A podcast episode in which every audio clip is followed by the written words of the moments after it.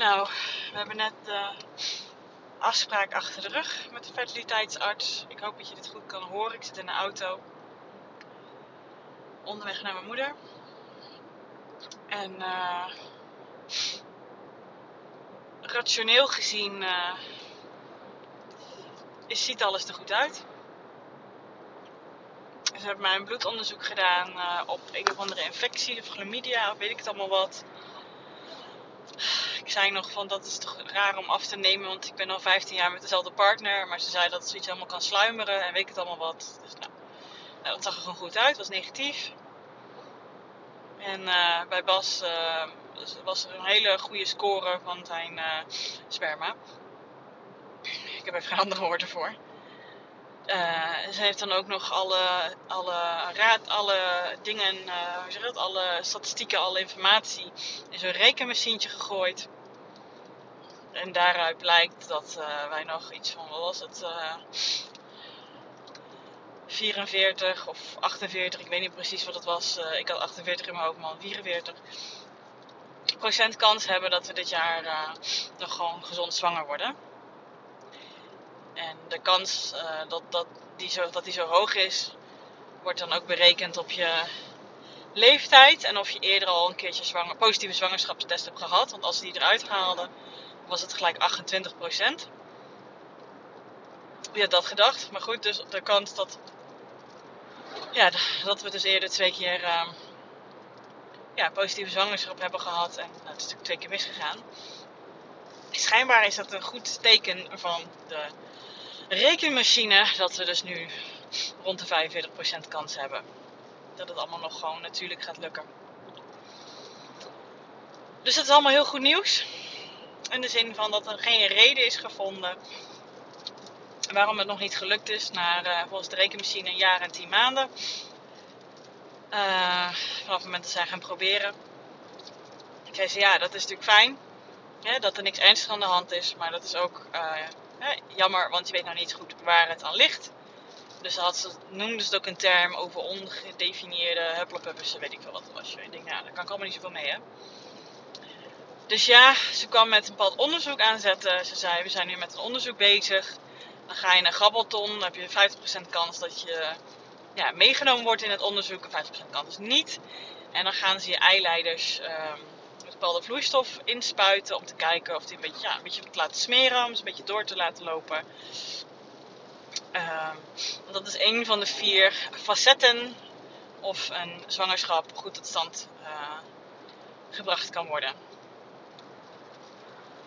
En uh, eentje was, ik heb ze nou goed onthouden, eentje was dus de kwaliteit van de sperma van de man. Eentje dus de goede werking van de eileiders. Eentje of de baarmoeder een goede vorm heeft of daar geen afwijking in te zien is. En eentje hoe stabiel je cyclus is. En uh, nou, die eileiders kunnen we dus dan gaan uh, onderzoeken. Dus ik mag binnen twee weken, als ik mee wil doen aan het onderzoek, moet ik binnen twee weken beslissen of ik dat wil doen. Um, als ik dat niet doe, dan. Of, of, ja, dat is de optie in ieder geval. Sowieso is dus nu dat we een half jaar uh, buiten dat uh, ja, afwachten. En als het na een half jaar nog niet uh, succesvol is geweest, of niet gelukt is, we zijn nog niet zwanger, dan hebben we, weer dan hebben we nog die optie om die eileiders te laten smeren, zeg maar, zoals zij het noemden. Maar dat zou dus ook nu al kunnen. En ik heb een keer gehoord in een bepaalde podcast dat dat niet een prettige procedure is. Vroeg het ook aan die vrouw en zij zei: Ja, sommige mensen voelen er niks van. De een voelt het als een, um, ja, een, een ongesteldheidskramp. De volgende zegt echt dat ze er heel moeilijk tegen kunnen en dat ze over moeten geven. Ja, ik zeg maar, het is natuurlijk bij ons al twee keer gelukt. Zeg dat niet eens over de kwaliteit van onze eileider, van mijn eileiders. Um, zij zegt ja, dat, dat zegt wel wat, maar je weet natuurlijk niet of ze allebei goed zijn. En ze zei ook wat we merken is als mensen zo'n behandeling hebben gehad, dat daarna spontane zwangerschap uh, sneller tot stand kan komen. Ja, omdat hij natuurlijk even gesmeerd is. Ik ben er zelf nog niet helemaal onder, over uit of ik dat wil doen of niet. Ze had het wel over, dat, dat is natuurlijk bij elk onderzoek, dat er natuurlijk altijd kansen zijn op. Hè, dat, dat, dat als je, het is een bepaald materiaal wat ze erin spuiten, waar zit jodium in. Dat kan, de, als ik het goed onthouden heb, de alvleesklier een beetje beïnvloeden. Eén cyclus moet je natuurlijk dan overslaan. Want eh, in die cyclus, eh, ja, je mag niet zwanger zijn tijdens die behandeling. Dus eh, die cyclus moet je dan overslaan. Ehm, en er was nog iets waarvan ze zei, dat moet ik melden. Want eh, eh, dat is een... eh, eh, je kan er een bepaalde reactie op krijgen, maar dat is 1 op de 1000 mensen. Maar goed, dat moeten ze natuurlijk vermelden. Ehm, ja, weet je, eh, ze benoemde ook dat vooral de frequentie van belang is tijdens de, rondom de ovulatie. Eh, dat het soms ook helpt om na de ovulatie nog, eh, nog, ook nog steeds te blijven vrijen. Want eh, dat geeft weer trekking aan de, ehm, in de baarmoeder, als ik het goed onthouden heb. En dat kan ook juist het verspoedigen allemaal. Nou, dus die tip hebben we meegekregen. Ehm, ja, ze zei eh, de vorige keer toen we daar waren, ze zei van, nou ja, dan kunnen we ook bepaalde tips met je doornemen. Dingen die je nog kan doen om het te laten verspoedigen. Dat ik tegen haar zei, misschien heb je dat al in de aflevering gehoord, dat ik tegen haar zei van, nou kan je die nu alvast niet geven, dan hebben we er nu alvast profijt aan. Ze zei, nee, die ga ik echt dan pas geven. Dus ik vroeg ook op een gegeven moment, ja, wat zijn dan de tips, weet je wel? Eh, zijn er nog tips die ik kan geven? Ik zei, waarschijnlijk ken ik ze allemaal. Toen zei ze inderdaad, die dingen die ik net zei, die ik natuurlijk al weet. Het gaat om de frequentie, dan heb je meer kans. Hoe vaker je het doet, hoe meer kans. En dat het soms na de ovulatie dus ook handig is vanwege die samentrekking in de baarmoeder. Ehm, ja, ik, ik vroeg ook nog aan dat ik zeg, joh, weet je, ik lees zoveel op internet. Dus dat heb ik voorheen. Ik, ik zoek nu niks, niks bijna niks meer op, maar eh, dat, dat het moment van de dag uit kan maken qua kwaliteit. En nou, toen keek ze een beetje weg. Ik denk, jeetje, als je hier niet eens zo open over kan praten, dat vind ik wel bijzonder. Eh, maar goed, toen zei ze, nee, dat maakt echt niet uit. Ze zegt, van, je mag het op elk moment van de dag doen. Hij is voor mij. Ik denk, ja, ik had een keer gelezen dat de kwaliteit beter was in de, ochtend bij de man. Ah, ach ja. Alleen, ja, kijk. Mijn man heeft het nu gewoon super druk met zijn werk. Dat heeft hij al maanden. Als ik hier heel rationeel naar kijk, kan ik me ook wel voorstellen dat het natuurlijk geen echt positieve invloed heeft op, eh, op de kansen.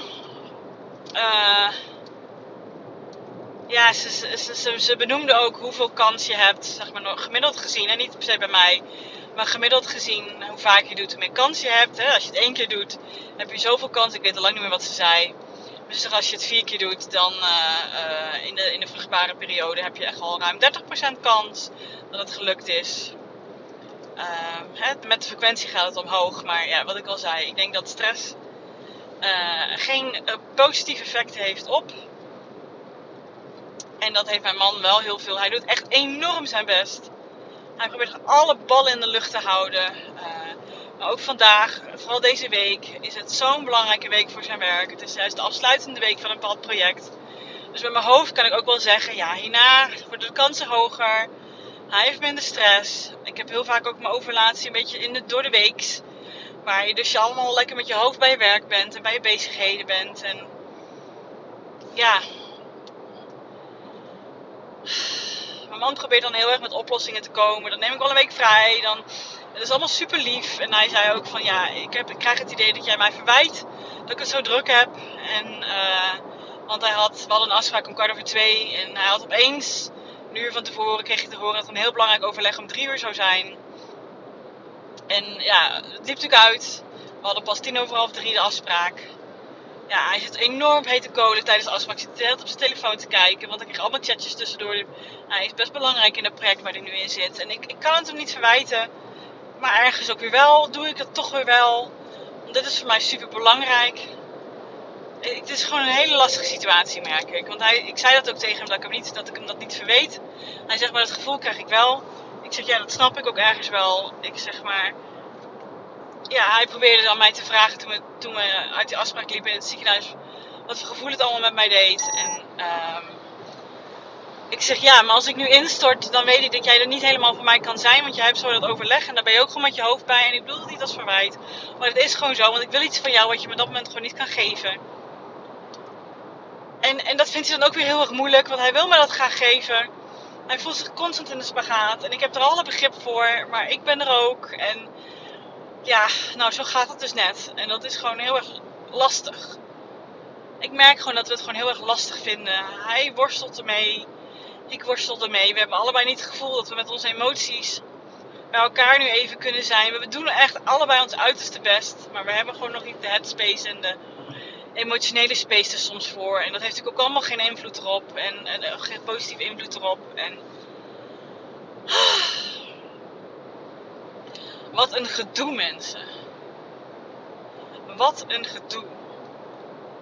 Ik wil gewoon soms de handdoek in de ring gooien.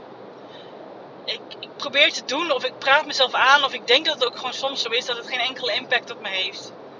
Maar dat heeft me met het vlagen echt heel erg. Daarom stond ik vanochtend dus ook uh, huilen onder de douche. En dan heb je zo'n gesprek en dan daarna voel je gewoon.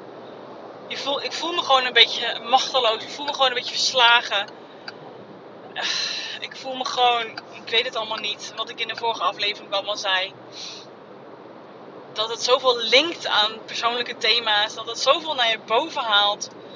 Van kwetsbaarheid en onzekerheid. En dat je heel erg de fouten bij jezelf aan het zoeken bent. En ja, soms onbewust ook dat bij de ander gaat zoeken. En ik wil zo graag dat het, niet gaat, dat het niet gebeurt. Maar goed, we zijn ook allemaal mensen. En soms gebeurt het toch. En dat is, hoort er allemaal bij, denk ik dan maar. Of zo. In ieder geval bij ons. Maar man, oh man. Ja. Ik vraag me gewoon af hoe dat dan voor jou is, hoe dat voor anderen is. Ik merk gewoon zo'n behoefte om daar contact in te hebben met andere mensen. En ook geen kritiek naar jou. Maar ik voel, ik voel wel contact, maar ik krijg geen reacties terug. Ik heb die behoefte, merk ik. Het is niet de bedoeling om sad stories uit te delen, maar af en toe een teken van leven weet je, dat is toch ergens schijnbaar de behoefte die ik heb van deze podcast. Anders kan ik ook gewoon tegen mezelf gaan lopen lullen of tegen de mensen om me heen. Ik heb ook van vandaag twee keer mijn beste vriendin gebeld en ook geen verwijt naar haar, maar ze belt niet terug. Ze neemt niet op. Het alleengevoel wordt gewoon zo heel erg versterkt hierin. En um, nu ben ik toch onderweg naar mijn moeder. En uh, ja, dat voelt ook gewoon raar, want uh, ja, als je eerdere aflevering geluisterd hebt, dan is dat juist het ding dat je in dit soort thema's heel graag je moeder wil. Maar dat ik natuurlijk nooit goed weet of zij er emotioneel voor mij kan zijn. En hier hebben we een keer een gesprek over gehad. En toen zei ze, dan wil ik gewoon graag dat je bij me langskomt. En niet belt. Dus dat doe ik nu. Ik ben nu onderweg. Dus ik ben daar over 10 minuten. En uh, zij is er ietsje later, want ze komt ergens vandaan. Mijn vader is ergens anders, dus dat is ook gewoon fijn. En ik wil gewoon geen verwachtingen hebben. Ik wil gewoon mijn moeder en ik wil gewoon dat ze niks zegt. En ik ga het ook gewoon tegen haar zeggen. Ik wil gewoon haar liefde voelen. Ik wil gewoon haar warmte voelen. Ik hoop dat ze me kan geven, want ik voel me gewoon heel kwetsbaar nu. Maar dit hardop zeggen en dit, hopelijk dat jij dit hoort dat je dit luistert, dat, dat, dat helpt mij al wel wat.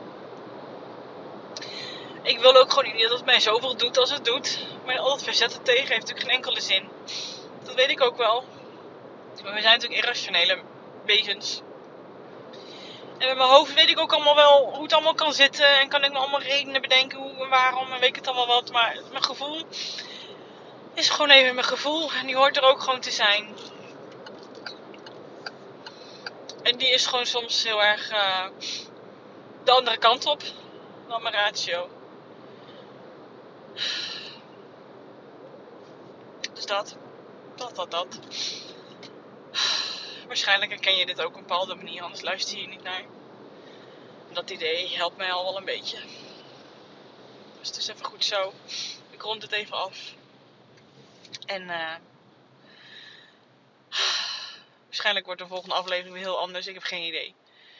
Soms dan zit ik zo in het vertrouwen en soms zit ik zo niet in het vertrouwen. En ik weet niet of het ook allemaal bijdraagt aan de kansen. Ik word gek van nadenken over wat wel en niet bijdraagt aan de kansen. Dat.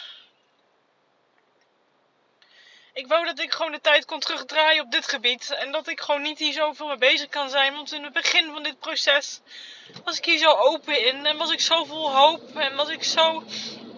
We zien het allemaal wel. Het is allemaal oké. Er zat geen stress op. Er zat geen druk op. Er zat helemaal niks op.